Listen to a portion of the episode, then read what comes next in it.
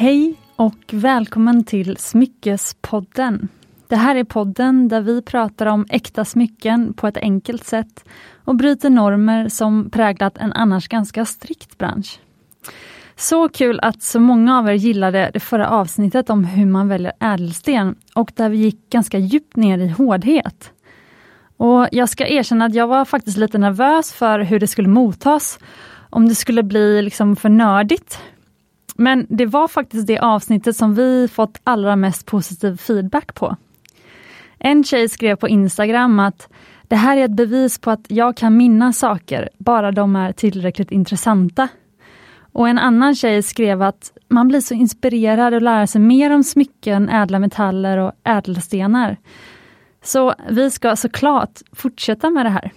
Era kommentarer motiverar mig supermycket att fortsätta lära ut om ädelstenar på ett enkelt och pedagogiskt sätt. Och varför brinner jag för att lära ut? Jo, jag upplever att ju mer du vet om ett ämne, desto intressantare blir det. Det är liksom så enkelt. Och det känns som att flera av er håller med. Och dessutom, ju mer du vet om ädelstenar, desto bättre beslut kan du ta själv när du ska köpa dina egna smycken. Så det är en win-win. Du har kul och jag har kul.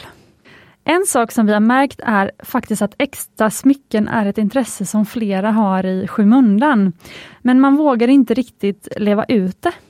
En tjej skrev så här till oss i DN på Instagram. Hej! Vill bara tacka för Smyckespodden. Jag älskar smycken och tänker mycket på de frågor som ni har tagit upp. Och förundras över att andra också tydligen har funderat över vissa saker och brottats med sånt som Får man köpa smycken till sig själv? Vilken är en stil? Och så vidare och så vidare. Jag lyssnar med stor behållning och ser även fram emot avsnitten med gäster.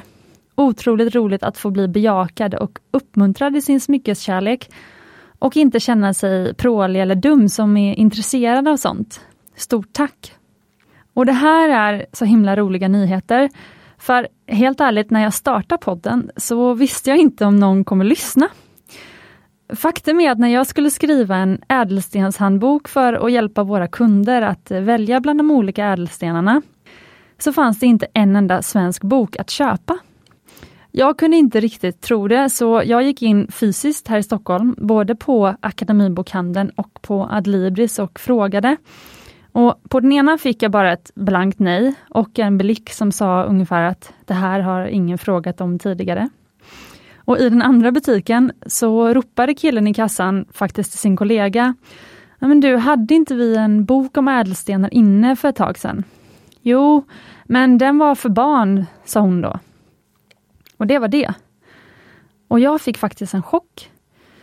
För att det nästan inte finns några böcker, tidningar eller tv-program och så vidare om ett ämne, det brukar ju betyda att ingen är intresserad av det. Men trots allt så växer lyssnarantalet på den här podden mer än vad vårt Instagramkonto växer. Så jag har lite svårt att tro det. Så min fråga till dig är faktiskt, varför är så få människor intresserade av ädelstenar? Vad tror du? Är du intresserad av ädelstenar? Var du det innan? Och skriv jättegärna DM till mig på Instagram, för jag är så nyfiken och vill så himla gärna höra. Det slutade i alla fall med att jag köpte några engelska böcker online och sen skrev jag den där handboken i alla fall. Men jag måste säga att även där upplevde jag utbudet som lite tråkigt. Det är som att de internationella böcker som finns mer handlar om mineraler, bergarter och eh, geologi än om hur man ska tänka när man väljer ädelstenar för smycken. Jag saknar fortfarande den där handboken kring just det. Men å andra sidan så hade kanske inte den här podden kommit till om det hade funnits. Mitt mål är i alla fall att den här podden ska bli som den där handboken som jag letade efter. Grejen med ädelstenar är att mycket av kunskapen och eh, faktan om just ädelstenar i smycken är baserat på tradition och hantverkarerfarenhet. Det är infattare och ädelstenshandlare som har delat kunskap med varandra genom åren. Det här är också en del av skärmen, att det fortfarande är ett ganska mystiskt ämne. Men det kan ju göra det svårt när man ska ta bra beslut själv om vilka ädelstenar man ska köpa. Därför har vi nästa vecka bjudit in en kille som är ädelstensexpert och som jag själv arbetat med i många år. Jag kan säga att utan honom så hade inte Mumbai blivit vad det är idag. Och så ska vi ha ett qa avsnitt med honom. Så jag tänkte att ni ska få ställa alla frågor om ädelstenar som ni har till honom, så svarar han här i podden. Så om ni har en fråga eller kommer på någon redan nu, så skriv den till mig i DM, antingen på Instagramkontot för Smyckespodden, där vi heter Smyckespodden, eller till mig på The Jewelry Designer på Instagram. Och eh, gör det med en gång innan ni glömmer bort, så kommer jag ställa de frågorna till Johannes. Och eh, självklart så kan ni vara anonyma om ni vill.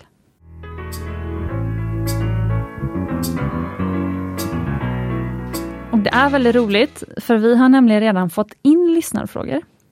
Och Jag tänkte att jag skulle svara på en av dem i slutet av det här avsnittet. Och Den handlar om guld. Så häng kvar till slutet så får ni både höra frågan och mitt svar. Men det är en grej som jag först skulle vilja prata om. Och Det är något som är väldigt bra att ha i åtanke nu när du har lärt dig hårdhetsskalan och att den kanske är ditt allra bästa hjälpmedel när du ska välja bland olika ädelstenar. Hårdheten är alltså hur lätt din sten blir repad av andra material.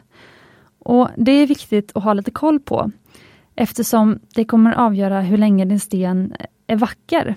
Alla små mikroskopiska repor som den samlar på sig varje dag, varje timme, varje år. Det är de som till slut gör att den blir matt och tråkig. Och det kanske viktigaste vi lärde oss i förra avsnittet, det var att generellt så är stenar med hårdhetsgrad på 7,5 eller över de som håller sig fina allra längst. Och jag har nu även lagt ut hårdhetsskalan på Smyckespoddens Instagram, så ni kan kolla där. Och då kan man ju undra, finns det fler branscher som också tar hänsyn till hårdheten på olika material? Jo då. Ett exempel är klockor. Eh, vet du till exempel vad det är för skillnad mellan en superfin eh, dyr Omega-klocka och kanske en billigare variant? Jo, glaset på urtavlan, bland annat. För glaset på Omegan är faktiskt ett safirglas, en slags kristall, medan den billigare klockan bara har ett vanligt glas som ofta är av akryl, som är en slags plast. Och vanligt glas, det som används i vanliga klockor, har en hårdhet på mellan 3 och 5 på Mohs hårdhetsskala, vilket är lägre än dammpartiklar som har HD-7. Så den klockan kommer alltså samla på sig små fina repor från dag 1, bara av vanligt damm. Och efter ett tag kommer klockan bli matt och inte se sådär blänkande ut längre. Men Safirglaset på Omegan, som i och för sig inte är riktig Safir utan en syntetisk Safir, men där de kemiska föreningarna är de samma, det har en hårdhet på 9. Och det är hårdare än nästan alla andra material. Nästan bara diamant är hårdare. Men det gör att Omegan kan bäras varje dag och förbli orepad i 20, 30, 40 eller 100 år, nästan hur mycket du än bär den. Och Det här är bara ett exempel på hur man faktiskt använder HD-skalan även i andra branscher förutom i äkta smycken. Men är hårdhet allt som bestämmer en ädelstens hållbarhet? Nej, inte riktigt. Genom att titta på HD-skalan när du väljer ädelsten så kommer du väldigt långt, men det finns några undantag. En ädelsten kan nämligen vara väldigt hård, men ändå få flisor ganska lätt. Och hur lätt den får flisor har att göra med hur tuff den är. Och Det kallas för spaltbarhet. Ett ord som inte låter så coolt som det faktiskt är. Vad är det då för skillnad mellan att få en repa på stenen och att den blir kantstött och en flisa går av? Det har oftast att göra med hårdheten. Så ofta så är det så att en hårdare sten mer sällan får flisor, medan en mjukare sten både lättare blir repad och lättare får flisor att gå sönder. Men inte alltid. Och För att förstå det här så behöver vi förstå vad hårdhet faktiskt är. Det som gör att ett material blir hårt är nämligen hur tätt bundna som atomerna är. En sten blir svårare att repa om atomerna sitter väldigt hårt tillsammans, vilket är fallet till exempel med diamanter. Atomerna i diamanter har världens starkaste bindning till varandra. Man får liksom inte loss atomerna i dem fastän man skrapar jättehårt på ytan och då blir det ingen repa. Men vilket mönster atomerna sitter i, det kallas för spaltbarhet. Eller på engelska för cleavage. Och det finns några ädelstenar som har så kallad perfect cleavage. Om de får ett slag från precis fel håll så kan de faktiskt gå i tu, så en sten kan dela sig perfekt i två bitar. Och så är faktiskt med fallet med till exempel diamanter och topaser. Och Det är därför man säger att en diamant kan inte bli repad av en hammare, men hammaren kan slå diamanten i tusen bitar. Men för att det ska lyckas så behöver man slå diamanten från precis exakt en viss vinkel. Och vilken vinkel då? Jo, i stenar som har så kallat perfect cleavage, så istället för att kristallatomerna ligger huller om buller, så ligger de istället som i perfekta plan, som staplade ovanpå varandra. Och Atomerna håller ihop tätare inom plattorna än vad de håller ihop mellan plattorna. Vilket gör att om en sten då får ett slag precis där plattorna skiktar sig, så kan plattorna lossna från varandra och klyvas till två stenar av ett slag. Och du kan till exempel tänka dig om du tar den här hammaren och slår på kristallen i precis den där rätta vinkeln. Och Det här är inte samma sak då som när en atom lossnar från en annan atom, som när man repar en sten. Och Nu behöver inte du gå runt och tänka på att din diamant kommer gå sönder bara för att du slår emot något. Utan största risken att en sten går sönder på det här sättet är faktiskt innan du har den i ditt smycke, till exempel vid steninfattning. Om steninfattare pressar ihop klorna på precis fel punkt på stenen, som även kan hända en väldigt duktig steninfattare, så kan stenen gå sönder. Och Det är ofta därför som vi faktiskt sällan rekommenderar att man tar ur en gammal sten från en gammal fattning. Till exempel om du har ärvt ett smycke eller du har köpt på auktion, så kanske du vill ta ur stenen och sätta den i ett helt nytt smycke. Men väldigt ofta så har stenen fått flisor under klorna och de ser man inte heller förrän man har tagit ur stenen, liksom öppnat klorna. Och, men om den har flisor så kommer det oftast inte gå att fatta in den igen i ett nytt smycke utan att den kommer gå sönder. Och Då har du förlorat både ringen och stenen. Så vill du behålla en ädelsten, ha gärna kvar den i det smycke som den redan sitter i. Och Gillar du inte utseendet på det smycket, så sälj hellre smycket i sin helhet på auktion eller eh, onlinehandel och investera i ett nytt smycke som du verkligen gillar.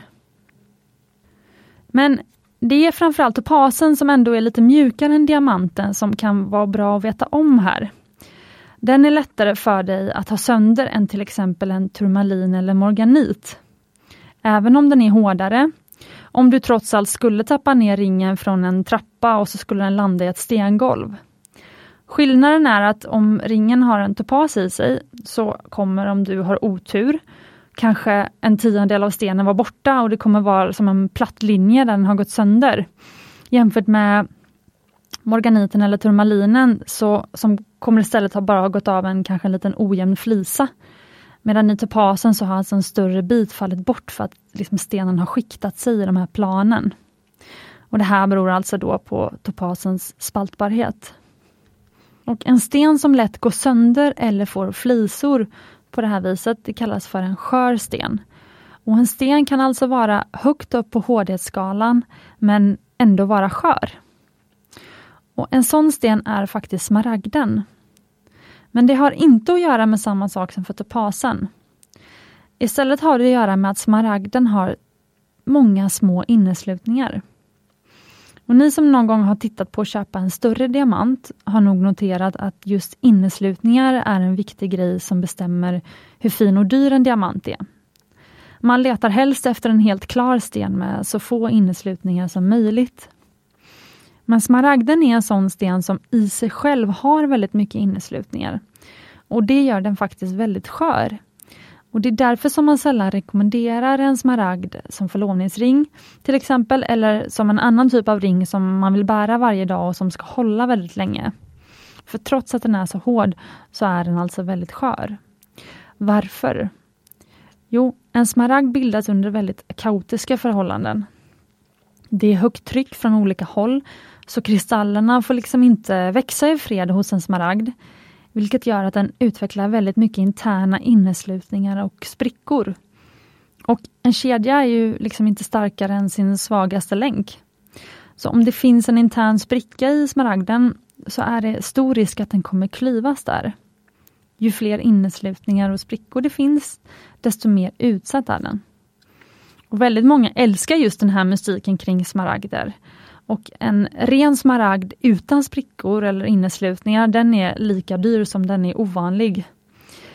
Men vill du ha en smaragdring som ska hålla väldigt länge, så krävs det just att du hittar en smaragd som är i princip kristallklar, för det är då den blir hållbar. Och En rolig grej att veta om smaragden är för övrigt att den kommer från samma stenfamilj som akvamarin, morganit och heliodor. Alla de tillhör nämligen stensläktet beryll. Men är akvamarin, morganit och heliodor lika sköra? Nej, de växer faktiskt i mycket mer lugn och ro och har inte samma mängd inneslutningar. Det är mycket, mycket lättare att hitta klara akvamariner än vad det, här, än vad det är att hitta en helt klar smaragd. Smaragden har det här problemet just eftersom den har väldigt annorlunda bindningsförhållanden när den växer i berggrunden och inte får den här samma lugn och ro som de andra stenarna. Men får du tag i en kristallklar smaragd så är den lika hållbar som just till exempel en akvamarin. Och jag har faktiskt sett internationella smyckesmärken som bara jobbar med diamanter och eh, smaragder. Just för att det är så lyxigt och vissa anser att det är de mest exklusiva ädelstenarna. Det finns några fler stenar som är som smaragden, som naturligt har mycket inneslutningar. Till exempel rutilkvarts kan bilda små tunna sprickor. Men även stenar med två färger, till exempel eh, vattenmelonturmalin. Den här turmalinen som är grön på ena sidan och går mot rosa på andra sidan. Och Det är kemin i berget som behöver förändras för att stenen ska kunna byta färg mitt i, så som den gör. Och Då förändras kristallen, vilket eh, skapar lite kaos och tryckförändringar i den. Och Det gör att det väldigt ofta blir små sprickor i stenen. Och Det är just när det finns de där små sprickorna som, om man får ett slag i precis fel riktning, så separeras sprickan som, så stenen går sönder. Och Hur kan det här hjälpa dig att välja sten då? Ja, det är tyvärr inga forskare och vetenskapsmän som har suttit och gjort en seriös lista om det här, där man har gett stenar poäng enligt Mohs hårdhetsskala och sedan gett en poäng för spaltbarhet och sedan summerat dem och gjort en lista. De här stenarna ska du välja. Och tro mig, jag har letat. Men så hur ska du tänka då? Jo, mitt råd till dig, nu när du vet hårdhetsskalan och även undantagen, eh, det är att gå efter hårdhetsskalan. Det säger mycket både om hur lätt de får repor och hur bra din sten kommer klara slag och yttre på, påfrestningar utan att gå sönder eller få flisor. En mjuk sten, alltså med en hårdhet på 7 eller under, till exempel ametist, citrin, månsten, opal, pärla och korall. De får oftast flisor lättare än en hård sten och har alltså både lättare att få repor och är skör. Men undantagen bland de hårda stenarna är just till exempel smaragd och topas, där de är ganska sköra trots sin hårdhet. Och Det gör att även om de sällan repas, så kan de lättare få flisor och gå sönder. Till skillnad från till exempel rubin och safir, som både är hårda och tuffa. Så kolla på hårdhetsskalan, men kom ihåg de här undantagen. Jag hoppas att du tycker det här var spännande och att du bara blivit mer sugen på att dyka in i ädelstensvärlden. Och jag hoppas att du också har fått fler frågor som dykt upp. Eh, för eh, Johannes kommer nästa vecka. Eh, han är ädelstensexpert och ägare av Ädelstensgruppen. Och jag och Johannes lärde känna varandra när jag var 26 och han var bara 23. Och Det vi gjorde var att leta upp de vackraste ädelstenarna som vi kunde hitta.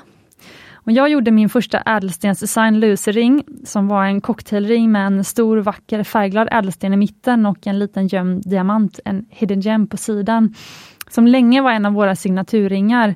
Och då var det Johannes som hjälpte mig att hitta de supervackra stenarna till dem. Och jag tänkte att ni nu äntligen ska få chans att ställa massa frågor. Så nästa avsnitt ska bli ett qa avsnitt där han svarar just på lyssnarfrågor. Så skriv i DM på Instagram, Smyckespodden, eller till mig, The Jewelry Designer, nu med en gång, så kommer jag ta upp de frågorna med Johannes. Och jag tänkte att vi skulle avsluta det här med en annan lyssnarfråga jag fått in. Och den handlar om guld. Och det är Tess som skriver så här. Hej! Jag hittade podden efter att ha hittat till webbshoppen med alla fantastiska smycken. Men jag har en fråga till podden. Man ser ofta märken med billigare priser ha 14K guld. Och vad är det för skillnad mot till exempel 18K och 24K? Och Det här är ju superintressant. Och här är det nu viktigt att, att inte förväxla karaten på ädelstenar med karat av guld. Karat med K är inte en vikt utan ett mått på andelen guld, alltså renheten i dina smycken. Och karat förkortas då med K i det här fallet. En guldkarat är en 24 del där 24 av 24 är 100% rent guld. Så det innebär att ett smycke på 24 karat innehåller alltså helt och hållet 100% rent finguld. Men guld är en mjuk metall och rent 24 karat guld anses, inte, eller anses i allmänhet vara för mjukt för att användas i smycken för att de kan lätt repas eller böjas. Så man blandar upp med andra metaller för att öka styrkan. Och Man kan även förändra färgen, till exempel skapa vitguld och roséguld genom att blanda upp med andra metaller. Så ett 18 karats smycke till exempel, det innehåller 18 av 24 andelar rent guld. 18 genom 24 är 75% Så resten, 25% det är en legering av andra metaller som silver och lite annat, då blir det gult guld. Man kan ha i koppar, då blir det roséguld eller palladium som i vitt guld. 14K guld då? Ja, det innehåller 14 av 24 andelar, det vill säga 58,3% rent guld och 41,7% andra metaller. 9K guld innehåller 9 av 24, det vill säga 37% renguld och 62,5% andra metaller och så vidare. Och I Sverige så kan inget mindre än 9 karat guld, eller 37,5% guldrenhet som man säger, säljas eller marknadsföras som guld. Och I USA så är till exempel den tröskeln eh, 10 karat. Och ju lägre andel finguld det är ett smycke, ju billigare blir det.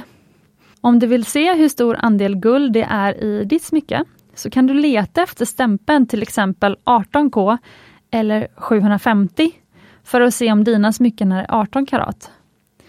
750 som i 750 tusendelar, vilket är samma sak som 75 procent. Och eh, 14 karat till exempel, det betecknas antingen med 14K eller 585. 585 genom 1000. Så en, ett smycke till exempel som är, du kanske köpte i Danmark, det skulle mycket väl kunna vara 14K eller det står en stämpel 585 i. Eh, för där är det vanligt med 14 karat. Hoppas att det här svarade på din fråga Tess. Och skicka gärna in fler, ni som har andra frågor. Okej, okay. stort tack för att ni har varit med mig idag. Det här är podden där vi pratar om äkta smycken på ett enkelt sätt. Och Om du fick några tankar eller funderingar när du lyssnade, så får du gärna skriva till mig på Instagram, där jag heter The Jewelry Designer som sagt, eller på Smyckespoddens egna Instagram, Smyckespodden. Och om du vill så är en rating eller en kommentar i din podcastspelare guld värd. Och glöm nu inte att skicka in alla ädelstensfrågor ni har till Johannes. Och glöm inte, du är värd äkta smycken.